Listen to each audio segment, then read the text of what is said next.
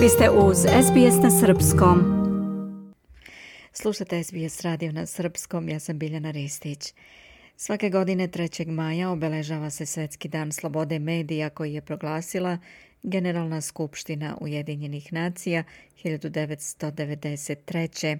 a u cilju podizanja svesti o značaju slobode medija i kako bi se podsjetile vlade država da je njihova dužnost da poštuju i podržavaju pravo na slobodu izražavanja zagarantovano članom 19 Univerzalne deklaracije o ljudskim pravima.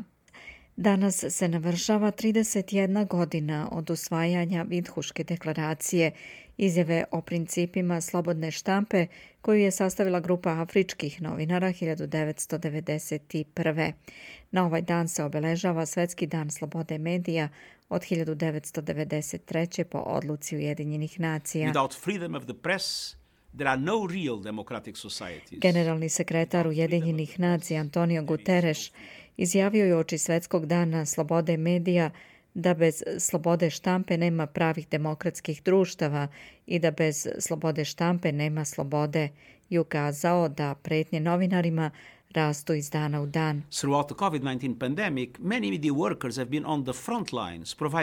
Tokom pandemije mnogi medijski radnici su bili na prvoj liniji borbe pružajući tačno naučno zasnovano izveštavanje kako bi informisali donosioce odluka i spasili živote, navodi Guterres u snimljenoj poruci. At the same time, Istovremeno novinari koji pokrivaju oblast klime, biodiverziteta i zagađenja uspjeli su da skrenu pažnju svetske javnosti na ovu planetarnu krizu. Međutim, pretnje slobodi novinara i medijskih radnika rastu iz dana u dan.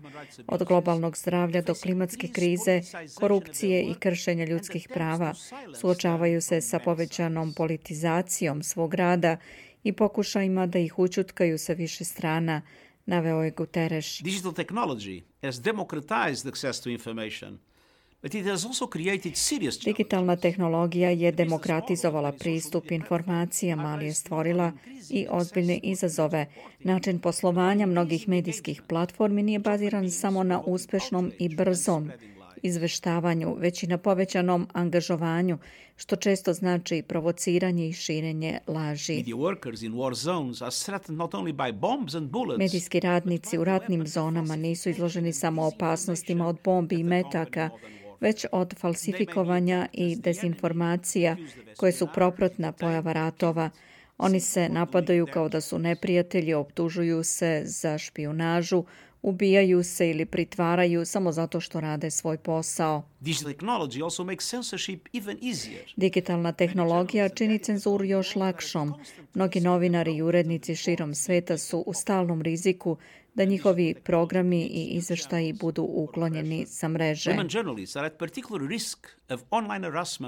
Žene novinari su u posebnom riziku od online maltretiranja i nasilja. UNESCO je pronašao da skoro tri od četiri žene iskuse online maltretiranje, hakiranje i nelegalno posmatranje i praćenje, što također sprečava i novinarke da rade svoj posao.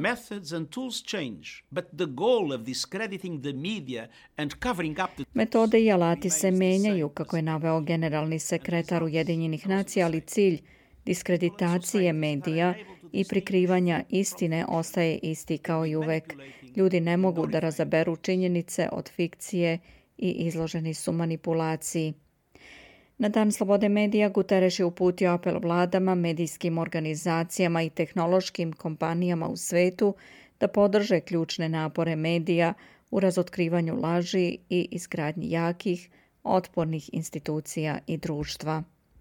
UNESCO obeležava ovaj dan svake godine okupljanje medijskih profesionalaca, Organizacija za slobodu medija Agencije Ujedinjenih nacija kako bi podneli izveštaj o proceni stanja slobode medija širom sveta.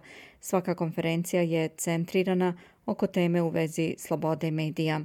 UNESCO i Republika Urugvaj će od danas do 5. maja biti domaćini godišnje globalne konferencije o Svetskom danu slobode medija u hibridnom formatu u Punta del Esteu u Urugvaju pod temom novinarstvo pod digitalnom opsadom. Biće diskutovano o uticaju digitalne ere na slobodu izražavanja, bezbednost novinara, pristup informacijama i privatnost. Slušate SBS na srpskom. Ja sam Biljana Ristić.